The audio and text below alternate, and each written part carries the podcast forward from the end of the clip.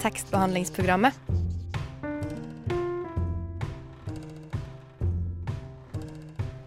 Tekstbehandling på radio.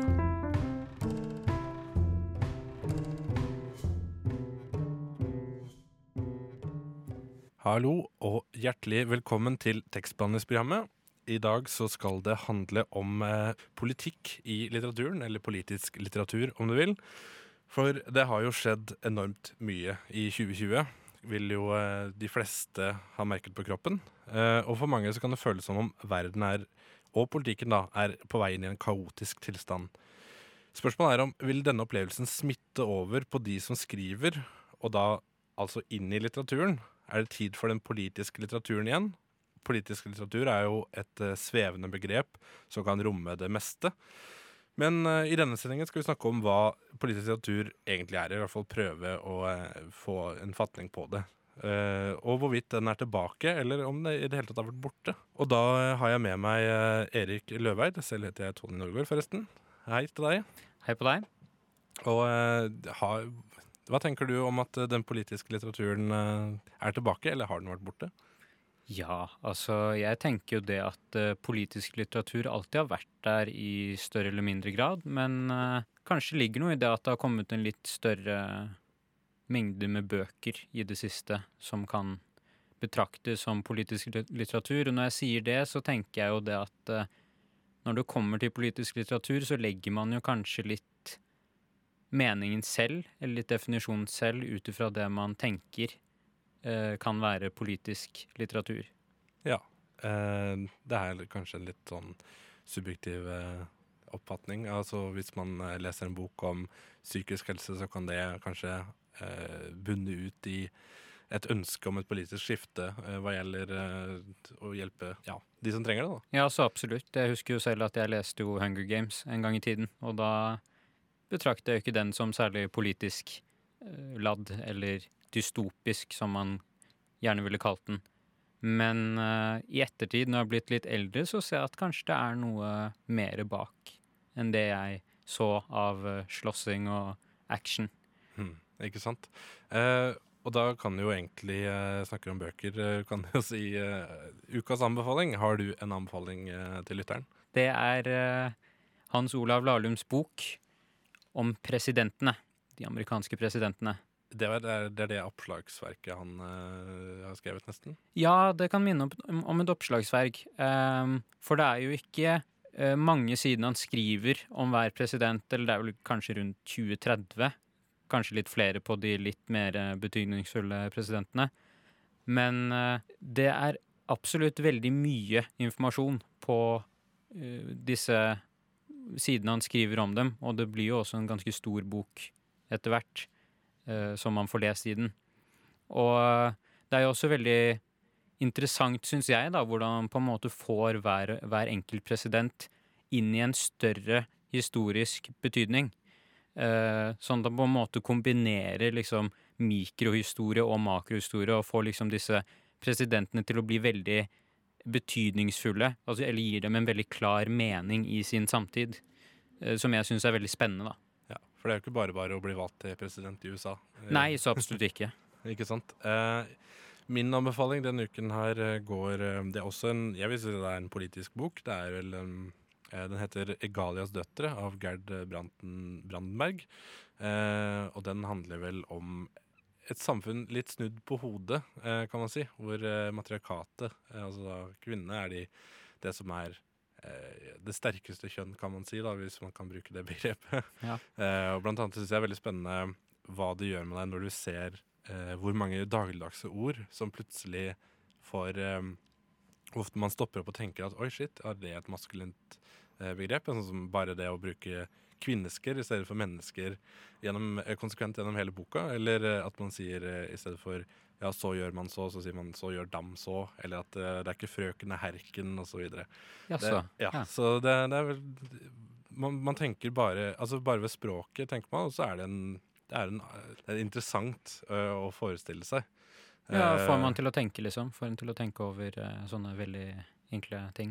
Rett og slett. Eh, så ja, jeg vil anbefale den. Den er fra 1977, så, men jeg vet at den har kommet ut på nytt, eh, så det er bare å skaffe seg. Vi eh, starter med en låt av eh, svenske Hanna Jerver, og passende nok så heter den 'Helvete'. Hanna Jerver med 'Helvete' var det. Eh, noen vil kanskje mene at vi lever i et helvete per nå. Eh, andre vil kanskje si at dette er den beste tiden vi lever i. Eh, I hvert fall så skal vi, vi skal jo snakke om politisk litteratur i dag. Eh, og vi har vel eh, Altså vår, vår utegående reporter, vil jeg nesten si, uh, har vært og uh, intervjuet eh, Amalie Kasin Lerstang. om politisk litteratur og hvorvidt den er tilbake. Ja. Hun- har vært redaktør for en, en, en diktsamling Ja, som heter En eller to eller hundrevis av søstre. ja. Eh, og undertittelen er 'Dikt om kvinner og kvinnekamp'. Og eh, hun har jo sagt i et intervju at hun hun mener at litteraturen fortsatt har veldig eller har både vært og er et viktig bidrag i kvinnekampen. Så eh, ja, det, man kan vel se dette, denne diktsamlingen som en, eh, et bidrag til kvinnelitteraturen, og kanskje da også et politisk litteratur, da. Ja, det kan man absolutt. Og det er jo også en et annet, litt, annen, litt annen måte å skrive på. da. Altså, dette er jo ikke en ren skjønnlitterær bok. Dette er jo faktisk en, en samling av dikt. Og dikt har jo også et annet språk, eller en annen måte å uttrykke seg på, som også kan være rimelig kraft, kraftfullt og Mm. Og så er det kanskje, det er kanskje litt å si at uh, hun også har uh, Det er skrevet av folk på tvers av tidsepokene. Ja. Uh, og det er ikke en samling med kun norske diktere heller. Men Så det er, det er klassikere, og det er helt nye i den boka. Så man kan kanskje se en politisk øh, sammenligning, da. Ja, det er absolutt eh, dagsaktuelle dikt som eh, er i antologien.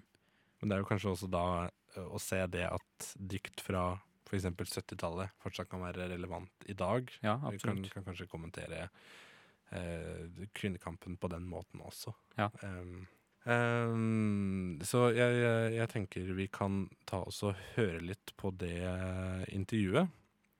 Men eh, aller først så tror jeg vi skal spille en låt av The Screenshots med El Guni, og låta heter Troime. Hva handler egentlig antologien en eller to eller hundrevis av søstre om? Det var forlaget Cappelen Lang som spurte om jeg ville være redaktør for den antologien. Eh, og da ble den gitt ut eh, i forbindelse med, med 8. mars, kvinnedagen. Eh, så det var liksom utgangspunktet at de ville lage en sånn samleantologi, da. Tenker du at det handler om politikk? Ja, da er det jo på en måte, da må vi jo først definere hva politisk litteratur er, da. Vi snakker som om det liksom er én gitt størrelse, men jeg tror folk egentlig har ganske ulike definisjoner av hva politisk litteratur betyr. Og det er kanskje egentlig en litt sånn Det er en ganske svær, ganske svært begrep som kan romme ganske mye, da. Så for noen så gir det jo negative assosiasjoner på den måten at man tenker at politisk litteratur er litteratur som kanskje forenkler eller prøver å overbevise om en slags type rett holdning. Mens jeg er kanskje mer interessert i en definisjon som, kan romme ambivalens da, og usikkerhet, og som kan spørre også.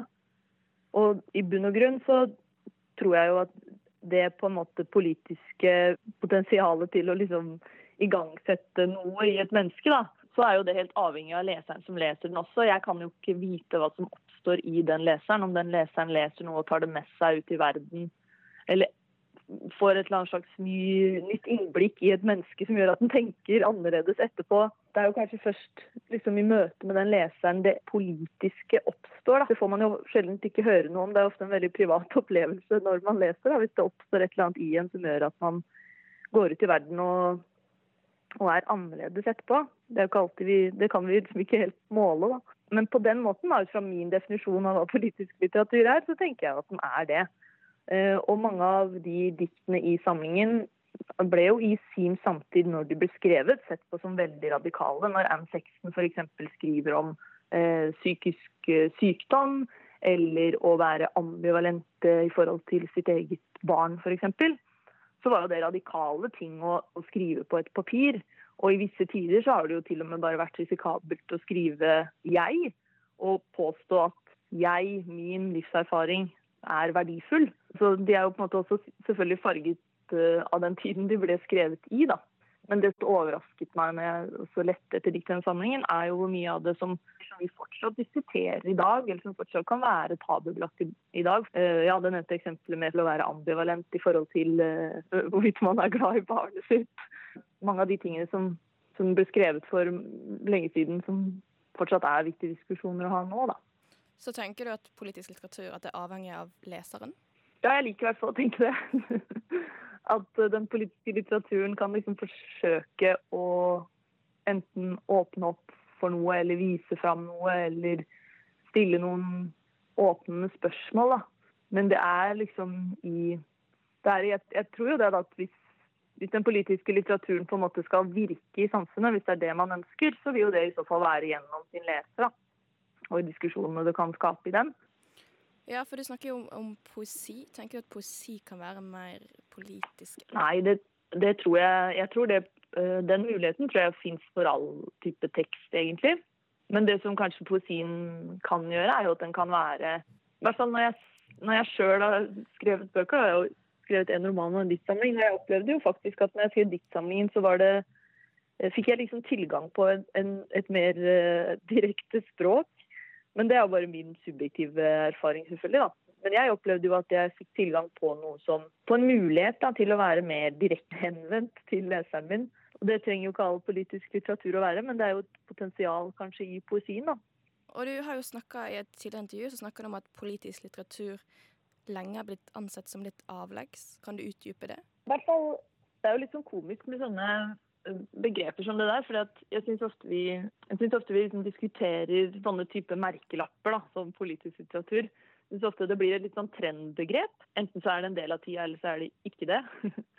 um, og jeg tror jo Altså, jeg levde jo ikke da, men, uh, men det inntrykket jeg har, er at mange fikk uh, den såkalte politiske litteraturen opp i halsen 60-70-tallet. da, Og fikk veldig nok av det, og at det ble for stort krav om at litteraturen skulle være på en viss måte. Og det kan jeg jo veldig forstå, at alle sånne typer må og skal bli jo en tvangstrøye til slutt. Og det blir jo kjedelig litteratur av det også, hvis alt skal liksom tilpasse seg en sånn type, et sånn type begrep. da.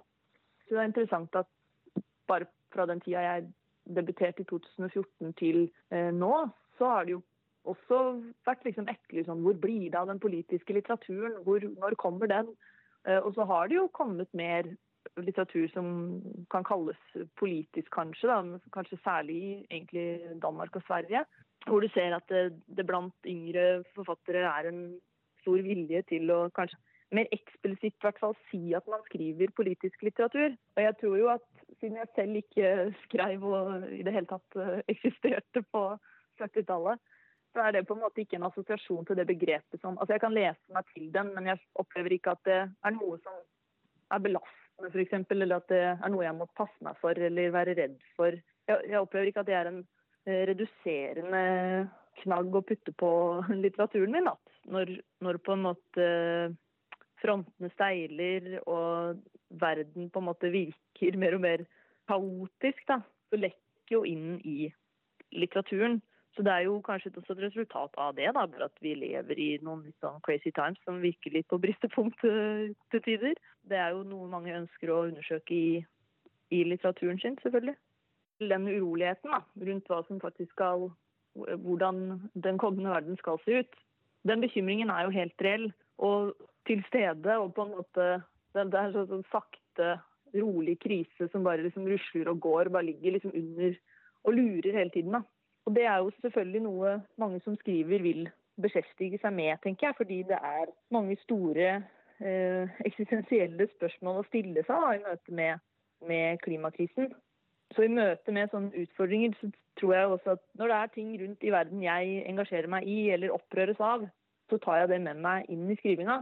Det kan være både små og store ting. Det kan være på en måte at de skal legge en, eh, en vei gjennom eh, en skog hvor det finnes en eh, bille som er utrydningstrua, til liksom de mye større overhengende store politiske spørsmålene. Og sånn tror jeg jo flere enn meg jobber også. At man går ut i verden, ser noe, engasjeres av det og tar det med tilbake inn i skrivinga.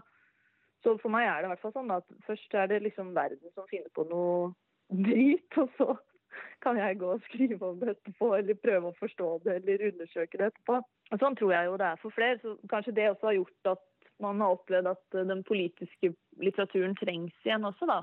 Selv om den alltid har vært der, så er det kanskje et økt eh, behov for den både hos de som skriver og de som leser. At man trenger, man trenger å forstå verden gjennom et uh, dikt, da. Jeg lurer på om du har noen eksempler fra den antologien, om du har lyst til å lese de opp? Dette er Helene Ugland eh, sitt dikt fra 1900, 'Når kvinnerne demonstrerer'. Her reises i landet et ramaskrik, istemmet av kristne menn.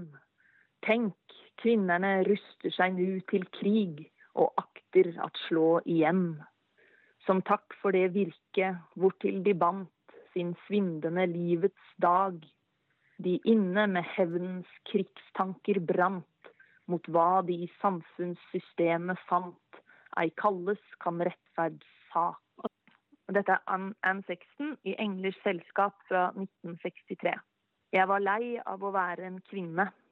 Lei av skjeene og grytene. Lei av munnen min og brystene. Lei av sminken og silketøyet.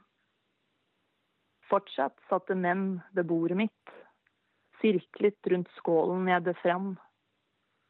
Skålen var full av lilla druer, og fluene svevde inn mot duften.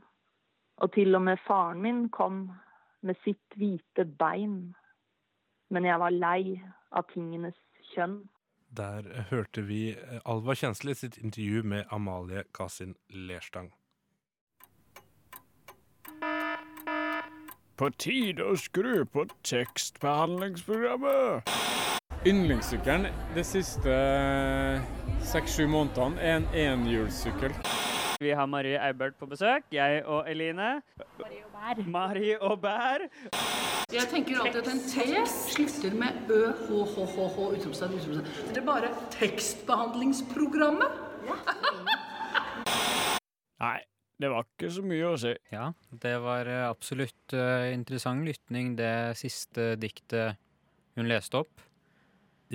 Det var jo på en måte befriende å høre at uh, noen tar et oppgjør med kjønnsroller, og på en måte viser en slags uh, tar en slags avstand til det, da. For det er jo kan jo være kanskje unødvendige uh, ting man betrakter når det kommer til hva man forventer til kvinner, da i dette tilfellet. Så eh, godt, å, godt å høre at eh, noen tar et oppgjør der. Men, én en ting uh, som kom fram i intervjuet her, um, det var jo det, altså Hun mente vel at det var litt opp til leseren hvorvidt det var politisk eller ikke. Um, Ja, Og det betyr jo at man kan finne uh, politikk i bøker som ikke er tiltenkt å være politiske. ja, så absolutt. Jeg kan godt tenke meg at det kan være mm, barnelitteratur, for eksempel, som godt kan virke politisk. Ja, for det kan være ganske enkelt budskap eh, om at, eh, om at folk burde være snille med hverandre da, i en barnebok. Eh, Ja. Og det, det, det kan jo definitivt oversettes til noe politisk. Den som er større enn seg selv, har også mer ansvar. Hvordan-. Hvordan behandler man de svakeste i samfunnet, f.eks.? Nettopp. Eh, rett og slett. Eh, så, så man kan jo da, da kan man nesten si at politikk kan jo være alt. Alt mulig. Kanskje bare slags holdningslitteratur, hvis man kan eh, kunne sagt det. Men, men eh, for eksempel en, en krimbok, da. Kan det være politisk litteratur, tror du? Det kunne jeg tro, for krim er jo gjerne myntet på noe en ulovlig handling, da. Hvorfor er det noen som begår en slik ulovlig handling? Kan det være noe med samfunnet, eksempel, som er eh, feil? Eller en samfunnsgruppe som har blitt eh, utelatt, eller som ikke føler seg sett, og dermed tyr til eh, kriminelle handlinger? For det er jo ganske viktig at eh, skurken i en krimbok alltid har et motiv. Det er liksom aldri Han er ikke slem bare for å være slem. Det, er jo, det vil jeg si er en ganske enfoldig karakter, da. Ja, det er jeg enig i. Mm. Så man jobber jo med karakterene og finner ut at man til og med kan få sympati med de som er slemme. Eh, eh, men, eh, og da kan man jo si at eh, altså Hvis alt kan tolkes politisk, kan jo kanskje politikk også eh, tolkes litterært. da. Hvordan vil politikken kunne forandre litteraturen? Fordi jeg, jeg tenker jo at eh, litteraturen, hvis den skal kommentere samtiden på en eller annen måte, så vil jo det gjenspeiles i hvor, hvilken politikk som føres til ethvert tidspunkt. Eller i hvert fall hvordan vedkommende som skriver, oppfatter det. Ja, ehm, det blir nok da kanskje, som hun sier, eh, gjennom eh, noen forenklinger. At det er det man kanskje må bruke bare for å få understreket noe tydeligere. Så klart, hvis man forenkler noe for mye, så kan det jo virke mot sin hensikt. Men eh, helt klart bare for å få frem et poeng, så må nok eh, det muligens til. Men vi kan jo snakke litt om eh, noen politiske bøker som vi har lest. Det kan, også, det kan være både tydelige politiske bøker. Jeg tenker da på f.eks. Jeg syns at eh, 1984 og Animal Farm av George Orwell er to ganske tydelige politiske bøker. Eh, altså, det, det trenger ikke ha noe med meg som leser Eller altså, man må jo på en måte kjenne til historien også for å kunne oppfatte det politisk, kanskje. Ja, det må man nok. Eh, og da tenker jeg jo det at den ene er jo Animal Farm er jo helt klart eh, basert på eh, veldig spesifikke hendelser i Russland. Um, 1984 er nok kanskje litt mer svevende igjen, eller ikke helt Det viser jo helt klart et totalitært samfunn og hvordan på en måte dette har gått feil, altså denne dystopien som man gjerne snakker om. Og da muligens retter seg litt mer i den fantasy-sjangeren, da.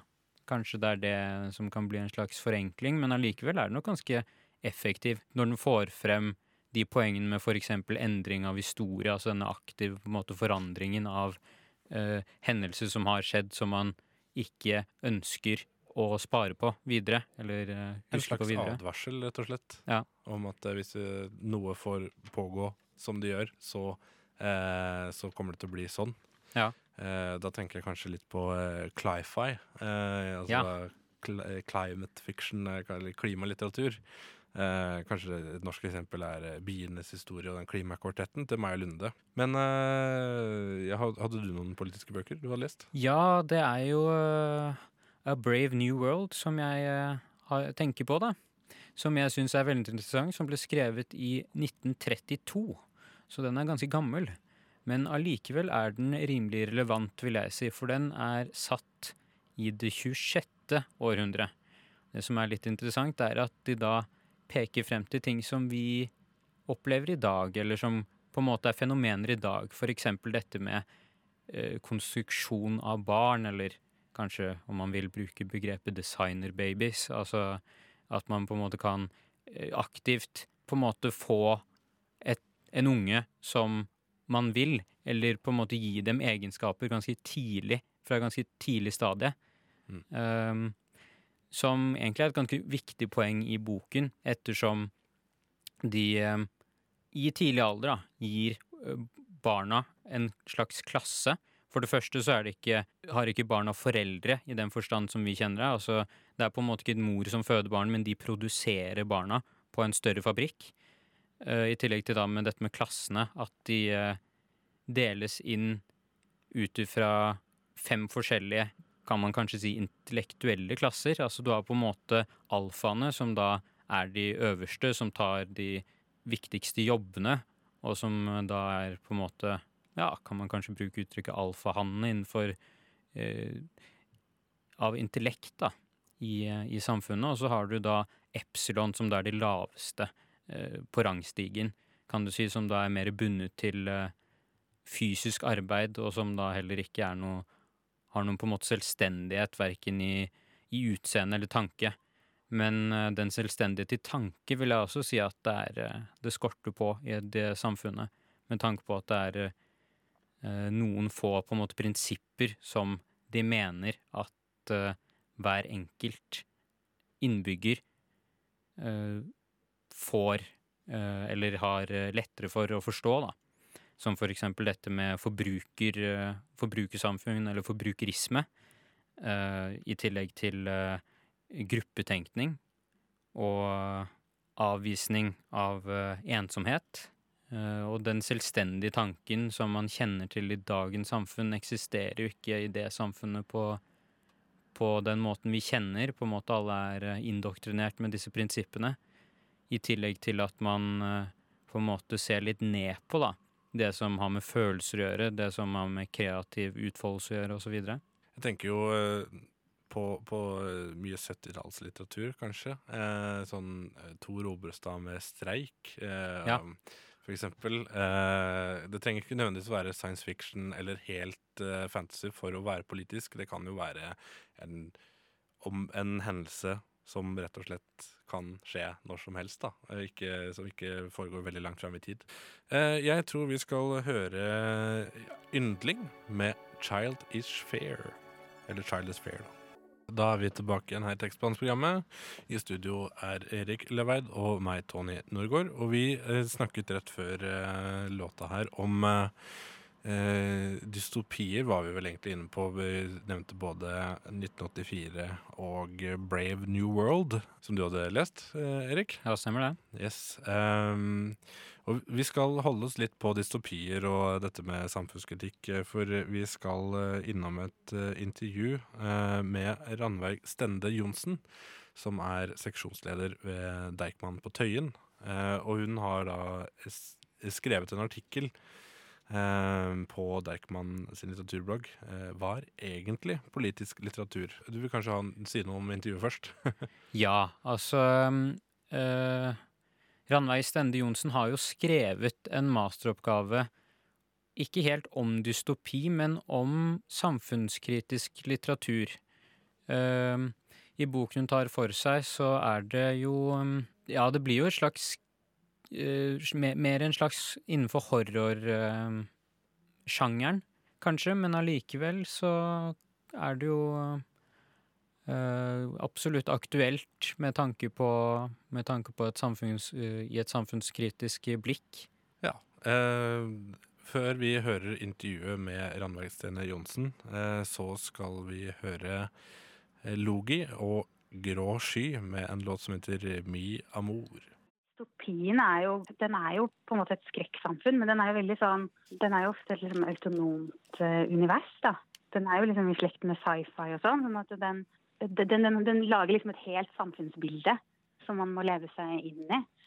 Mens eh, skrekklitteraturen forholder seg jo ganske øh, mye oftere til liksom resten av Altså, den kan ha et ganske sånn realistisk bakteppe, på en måte, der man putter inn eh, overnaturlige elementer. Da. Så sånn sett så tenker jeg at de eh, er ganske ulike i formen.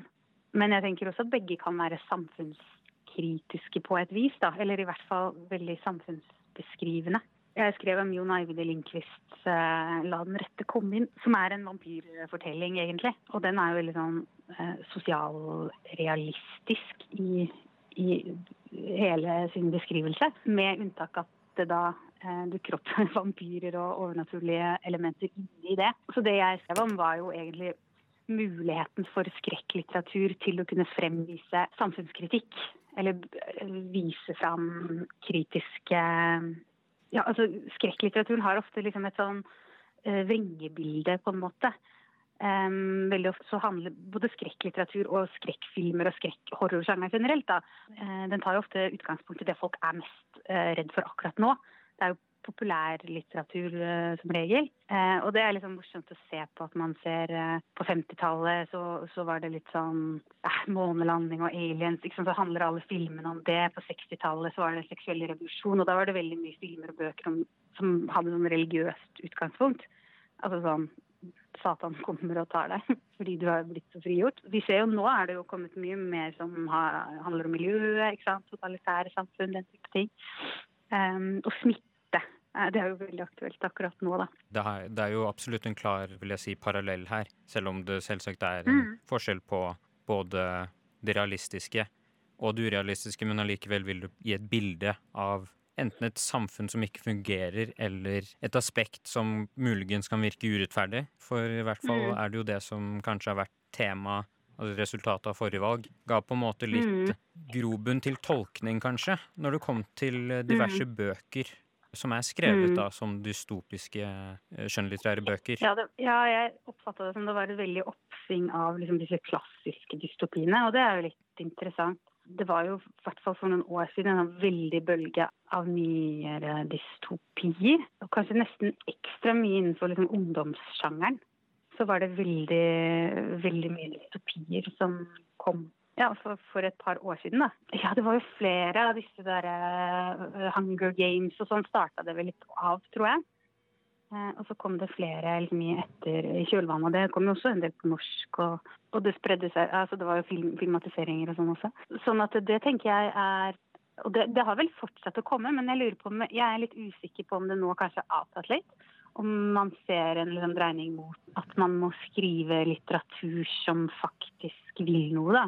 Fordi dystopiene er jo Man kan jo spørre seg altså De kan jo virke advarende. ikke sant? Hva, hva, er det verste som kan skje? Dette er det verste resultatet som kan eh, komme. Og så lever man nå litt i en verden der man nesten føler at det har skjedd litt. Og så tror jeg at man Spørsmålet er liksom hva, hva kan man bruke en sånn dystopi til? da? I sånn populærlitteratur kan man jo uh, få uh, mange som ikke leser nyheter eller leser andre ting, til å oppfatte den kritikken som ligger der. Men jeg tenker også at frykt er lammende, da. Sånn at eh, både, dystopier og skrekklitteratur og sånn kan gjøre at man kan få nye perspektiver. Men jeg er usikker på hvor fruktbart det er i forhold til liksom, positive endringer. Så det er jo litt interessant å se at det kanskje kommer en sånn dreining mot litteratur som har en eller annen sånn intensjon i seg. da. Eller liksom vil mane til endring, eller på en litt annen måte enn dystopiene gjør. Tenker du kanskje at dette kan være et slags negativt fokus? Ja, fordi at man graver seg jo litt ned i det. ikke sant? Det er jo på en måte deilig òg. Men altså, en dystopi fremviser jo nesten alltid et samfunn der det, liksom, der det har tippa over, der det egentlig er for sent. Og det er jo litt sånn interessant å se på nå når man, man kanskje veldig mange går rundt med liksom undergangsfølelser eh, i, den virkelige verden og ser på faktisk fungerende demokratier i verden er liksom synkende. At det ikke er så innmari mye å hente i, i, i inspirasjon da, i dystopiene. Ja, det kan sikkert fortsatt virke advarende, men eh, ja, jeg vet ikke. Jeg tror de, de virker litt sånn lammende også. Ja, Kanskje litt fjerne fra virkeligheten? Ja, altså det er jo en overdrivelse. Det er jo nesten alltid en overdrivelse. Men jeg tenker at nå er jo, nå er jo sånn, nå kanskje jeg er litt sånn dystopisk anlagt. Men man får jo ofte en følelse at liksom, hele verdensbildet er litt fjernt eh, nå også. Jeg tror mange unge folk føler på det, da. At, sant, du har miljøkatastrofe, du har eh, valg i USA. Det, har jo også, det var jo en veldig bølge med sånn miljø, eh, miljødystopier som kom. Ja, jeg vet ikke. Kanskje Kanskje det er litt negativt fokus. Kanskje vi trenger noe annet. Så jeg har registrert at det har kommet en del nye liksom, filmer og serier og sånn også med, som har dette smitteperspektivet. Og for min egen del så orker ikke jeg å sitte og se på det nå. Ja. Det var kanskje spennende for noen år siden, men nå er det litt for eh, tett på, det. Jeg bare tenkte litt for å komme litt tilbake til det amerikanske valget igjen. For det er jo mm. rett rundt hjørnet, og det er jo noe som opptar veldig manges oppmerksomhet om dagen. Og det kan jo mm. bli veldig spennende også. Det virker jo sånn eh, nå i opptaktene til det. Så tenkte jeg kanskje å spørre om du har eh, lest noen bøker som du forbinder med det amerikanske valget. Ja, altså det, det er jo ganske mye eh, bra litteratur som har kommet liksom kjølvannet av liksom Black Lives Matter, og ikke nødvendigvis kommet etter det, men som har blitt framhevet da, i forbindelse med, med det. Eh, jeg bare tenkte på én ting til, og det var eh, angående mm. dystopisk litteratur. Og hvorvidt mm. egentlig det er en effektiv måte å fremstille et samfunn på. Ja, i utgangspunktet så tenker jo jeg at det er det. Hvis man leser disse klassikerne, sånn, så er de jo fortsatt ganske virkningsfulle eh, i dag. Men igjen, da, da må man jo Hvis man på en måte er litt Jeg vil ikke si Man lever ikke dystopisk samfunn i dag, det, ville være feil å si. Men uh, jeg tror det er flere og flere som lever liksom i en litt sånn mørk tid med litt undergangsfølelse. Selvfølgelig koronarelatert til det hele. Så ja, jeg tror det er virkningsfullt. Som jeg har vært litt opptatt av da, i forhold til skrekklitteratur og horror og sånn, så har jo også det den sammensetninga av liksom hverdagslivet og skrekkbildene syns jeg har vært interessant å se på. Fordi ved å liksom vri på ting og liksom fremheve det der verste som kan skje, det derre monsterbildet inn i hverdagen, så kan man få noen eh, ganske nye perspektiver, da. Og det er jo ofte ganske unge Mitt inntrykk i hvert fall er ganske unge mennesker som leser både dystopier og sci-fi og, og, kanskje horror også. Sånn at man kan eh, ikke si lure, men kanskje lure inn litt politisk bevissthet inn i populærlitteraturen. Det tror jeg ikke er så dumt i en verden der man eh, får veldig mye nyheter via liksom, sosiale medier. Det er liksom mye snakk om ekkokammeren og at man får bekrefta verdenssyn man allerede har. og sånn, Så tenker jeg at skjønnlitteraturen og også populærlitteraturen kan spille en rolle som motvekt, eller i hvert fall tankevekker. da. Og helt til slutt Mm. kanskje bare hvordan denne type sjanger og politisk litteratur, hvordan det kan være en bro der, da. Altså, jeg tenker jo at I hovedsak så er det jo kanskje skal dele veldig grovt liksom, to typer politisk litteratur. Det er liksom den, det er den som maner til endring. Og så er det den som beskriver det som er kritikkverdig. Eh, og det kan jo være samskritikk i kriminallitteratur og sånt også, men, men den ligger som regel som et slags bakteppe, da. Som bare viser altså, For det er jo, er jo ofte både skrekk og krim og da skal man jo liksom fram til livets skyggesider. Sant? Sånn at der kan man liksom beskrive og se det som er galt med samfunnet. Men jeg tror nok man trenger å kombinere det med en type litteratur som vil, og som vil beskrive endring som kan være positiv. Da. Og også liksom normalisere positiv endring, sånn at, vi finner mer og mer litteratur som handler om ja, om ikke utopier, så i hvert fall et samfunn som, eh, hvordan ting kan fungere godt. Jeg vet ikke om det var noe godt sagt, men Jo, ja. nei, men jeg skjønner hva du mener. Ja.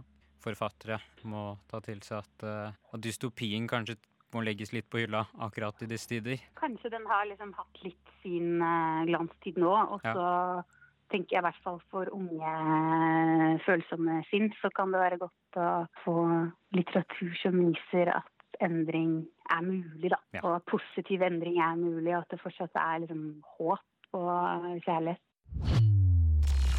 Jeg har egentlig sagt det, men jeg kan si det en gang til. Radio Nova. DAB og nettradio. På radionova.no. Jeg har egentlig sagt det, men jeg kan si det en gang til. Radio Nova. Du hørte nettopp et intervju med Randveig Stende Johnsen, og det var det du som gjorde, Erik. Ja, stemmer det. Ja, eh, og eh, hun snakker jo mye om eh, dette med altså, Jeg vil nesten oppsummere det som at det kanskje er et lite behov for en konstruktiv litteratur også. At man kan bli litt motløs av å se at alt går til helvete, og få det bekreftet hele tiden. Ja, det ligger nok noe i det. At dystopien kan være konstruktiv, men det kan også være interessant å se hvordan det skal gjøres, eller kanskje hvordan et samfunn kan fungere best mulig, og ikke Ikke sant? bare det motsatte. Og så er det jo kanskje, det kanskje litt vanskeligere å skrive en, en historie hvor alt går bra, fordi at en, en vesentlig del av en historie er gjerne konflikt, og det er det som driver handlingen.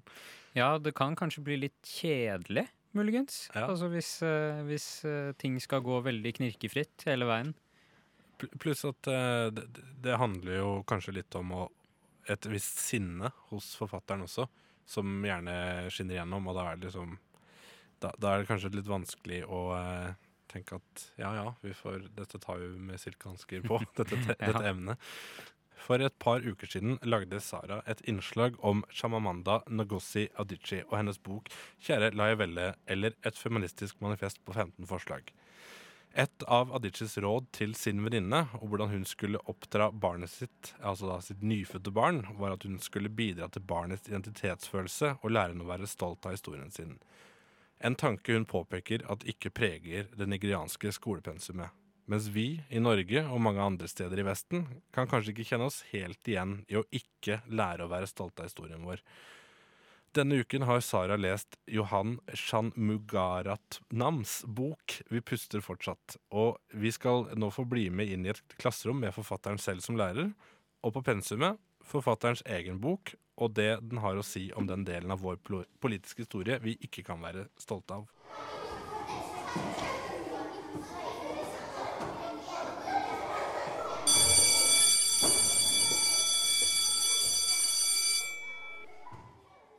Mens Johan Chan Mugaratnam ønsker alle velkommen til dagens første time, og forteller at vi i dag skal snakke litt om en del av historien vår vi ikke kan være stolte av, en del som det ofte ikke er plass til i det vanlige skolepensumet, velger jeg meg en pult midt i klasserommet og åpner boken som er dagens pensum. Vi puster fortsatt. Skrevet av Johan Chan Mugaratnam selv. En bok som på ingen måte bare forteller den delen av vår historie som vi ikke er stolte av. Johan har selv beskrevet den som en tidskapsel, en bok om rasisme og røtter. Den er henvendt til barna hans, og i boken forteller han blant annet om sin oppvekst i Ås, dit han kom med familien sin som seksåring i 1985, etter å ha levd sine første tre år i farens hjemland Sri Lanka, etterfulgt av sine tre neste år i morens hjemland Japan. Med en personlig fortelling som bakteppe tar han leseren med gjennom viktige politiske og historiske hendelser, som drapet på Benjamin Hermansen i 2001, 11. september det samme året og terrorangrepet 22. juli. Det som skjer i tiåret mellom disse to dramatiske årene, krigen mot terror, Irak-krigen og den gryende kulturkrigen som vokser fram, er det timen i dag skal handle om. Ikke på bekostning av de personlige beretningene, av enkeltmenneskene, men på grunn av dem. Johan ønsker velkommen og starter timen rett etter 11. september.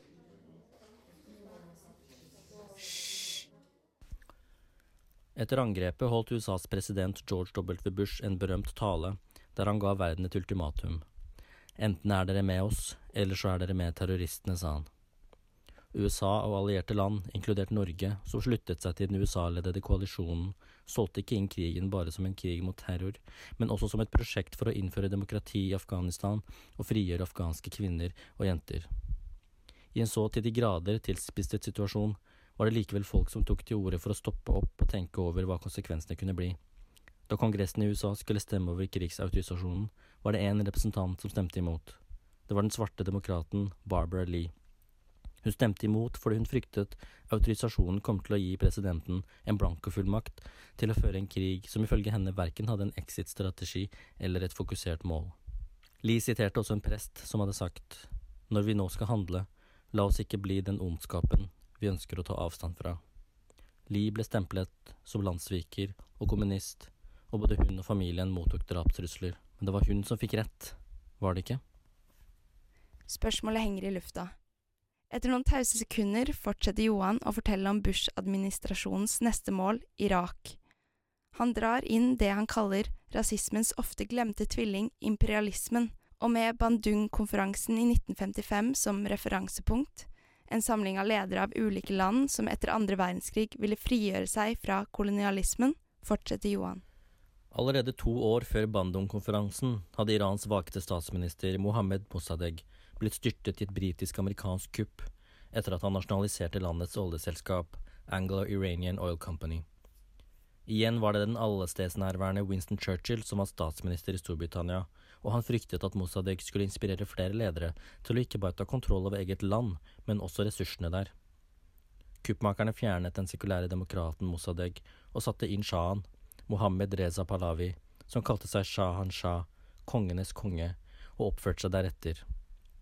Etter kuppet, som ble organisert av den britiske etterretningen MI6 og deres amerikanske venner i CIA, fikk det iranske oljeselskapet det mer velkjente navnet British Petroleum, som er dagens BP. I land etter land deltok vestlige makter aktivt i å fjerne plagsomme ledere som dyrket sin nasjonale selvstendighet og identitet, og erstatta dem med folk som både var autoritære og korrupte, men som ikke utgjorde noen reell trussel mot Vestens politiske og økonomiske interesser. I Kongo, der Belgias kong Leopold 2. i sin tid drev rovdrift på land og folk, med ti millioner døde som følge, der slavearbeidere fikk hugget av hendene hvis de ikke jobbet effektivt nok på gummiplantasjene eller ikke føyde seg, klarte Patrice Lumumba å bli den uavhengige statens første statsminister i 1960. Hvis dere ser på bilder av Lumumba, ser han ut som en litt streng lærer med dress og hornbriller. Han var ikke det, han var den første lederen i det uavhengige en folkevalgt, ung, svart statsleder som hadde store ambisjoner på vegne av landet og kontinentet sitt. Tror dere han fikk regjere? Tror dere de en gang ga ham en sjanse? Og Johan tuller ikke når han påpeker at lignende utbytting av statsledere skjedde i land etter land. Han lister opp en rekke eksempler, som for de fleste i klasserommet, meg inkludert, kommer som en overraskelse. Ikke fordi det er overraskende at USA og andre vestlige land, også Norge, handler med uedle hensikter, men fordi det undergraver alle de prinsippene man mener de vestlige landene er beskyttere av, og til slutt sitter jeg igjen med en følelse av at mine kulturelle, historiske røtter er så til de grader bedervede. Etter eksemplene drar Johan det tilbake til mer gjenkjennelig territorium, til et tema som også er like aktuelt i dag som da, til oppblomstringen av kulturkrigene og de omstridte karikaturtegningene. De militære felttogene er lettere å avblåse enn de kulturelle korstogene. Kulturkrigene begynner å leve sine egne liv, som gjenglemte miner på slagmarken.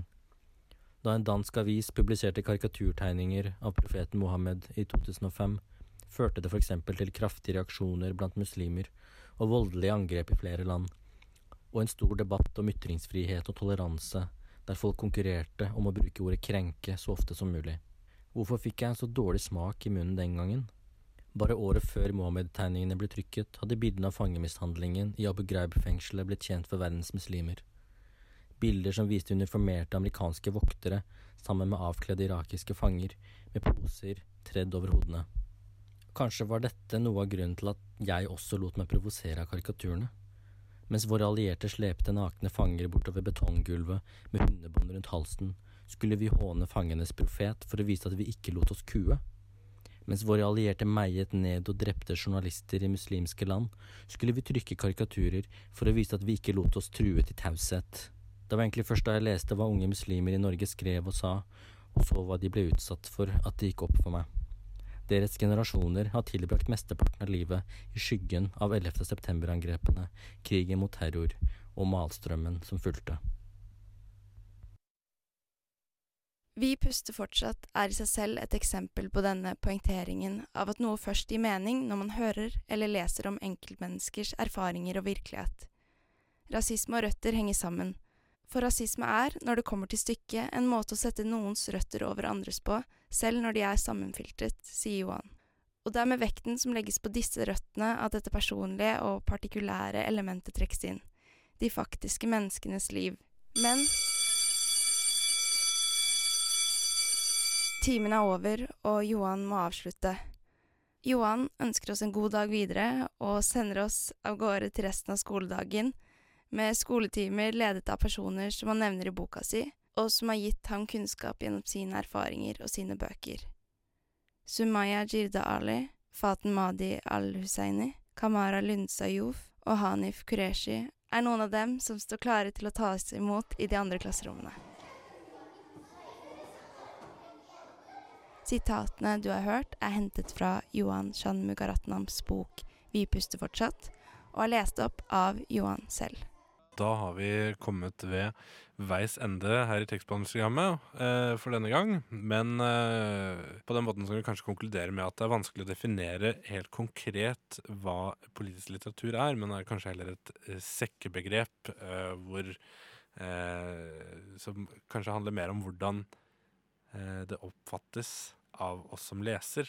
selv om det fins bøker som også helt tydelig eller er skrevet av den hensikt, så fins det også bøker som ikke nødvendigvis er skrevet med en hensikt å være politisk, men som blir det i møte med leseren. Ja, det var jo det som ble nevnt i et av intervjuene. At det egentlig ikke skal nødvendigvis så veldig mye til å på en måte gjøre litteratur politisk, eller på en måte skape den ladningen, den politiske ladningen i en, i en bok, eller kanskje til og med dikt. For eksempel å bruke bare et enkelt ord som jeg. At det på en måte er min sak eller mine tanker om noe som kan uh, Som skal fremstilles, eller som er viktige. Eller som noe, noe som jeg En holdning eller en verdi som jeg syns må frem i lyset, f.eks. Og jeg tenker med det så, så, takker vi for oss. Vi har vært og er fortsatt Erik Laveid Tony, og Tony Norgård. Og du finner oss på de fleste sosiale medier som er av betydning. Og ja, du finner oss der hvor podkaster finnes, som f.eks. Spotify og iTunes. Takk for oss. Tekstbehandlingsprogrammet.